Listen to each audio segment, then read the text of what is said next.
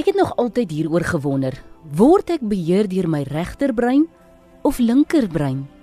Ek vermoed 'n bietjie deur albei, want buite my kreatiewe kant kon ek nog altyd ook ietsie met my linkerbrein ontwikkel.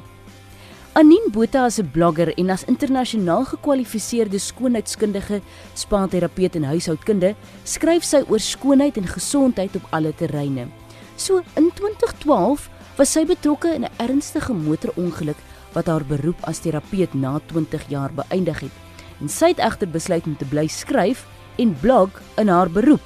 So hier is 'n paar van haar punte oor die linker en regterbrein. Jy kan maar besluit watter een jy is.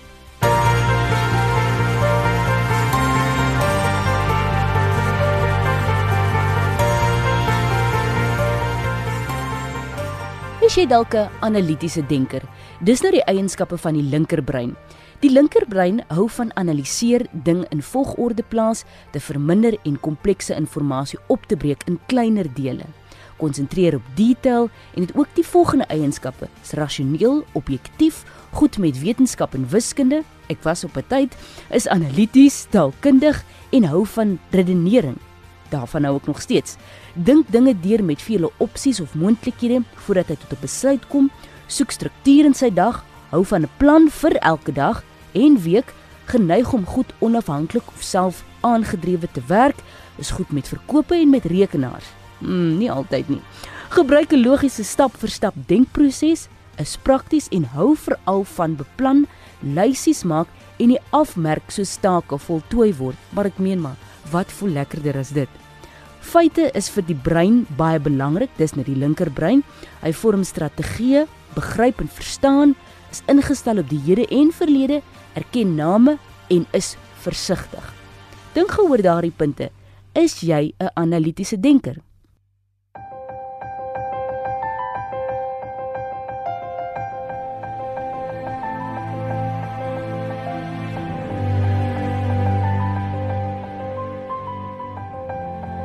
Indien jy nie een van daardie boksies kon afmerk nie, beteken dit jy's 'n kreatiewe denker. So kom ons kyk na die eienskappe van die regterbrein. Die regterbrein sien inligting meer holisties en konsentreer eers op die groter prentjie. Die eienskappe is intuïtief, kreatief, kunstig, emosioneel, visueel, spelerig, verbeeldingryk en is baie spontaan. Vaar gewoonlik die beste in musiek, kuns, teken, atletiek en dans. Ek was op 'n tyd goed met atletiek kan meganies wees, breek altyd dinge uitmekaar, herstel of verbeter dit sonder aanwysings of kom selfs op met nuwe uitvindsels. Omdat hy moeilik vind om in herhalings te dink, spring hy dikwels rond in sy werk.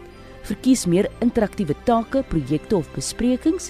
Hou dan ook van spontane gebeure eerder as beplande gebeure elke dag en beplan nie gereeld vooruit nie. Fokus nie maklik op groot hoeveelheid inligting nie, want hy kan verward word oor waar om te begin of hoe om dit saam te voeg in 'n logiese stap-vir-stap formaat.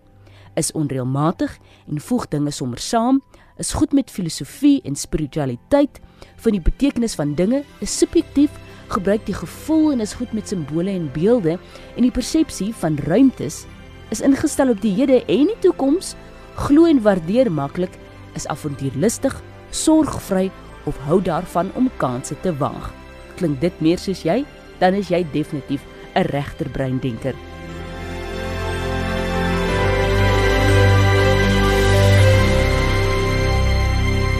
Maar die interessantheid is wel, as jy tot die slotsom kom, is die antwoord maar bloot om beide kante van jou brein so goed as moontlik te ontwikkel. Want hoe kan jy nou kunstig wees sonder om tog wel 'n lysie te maak van dinge wat jy nodig het?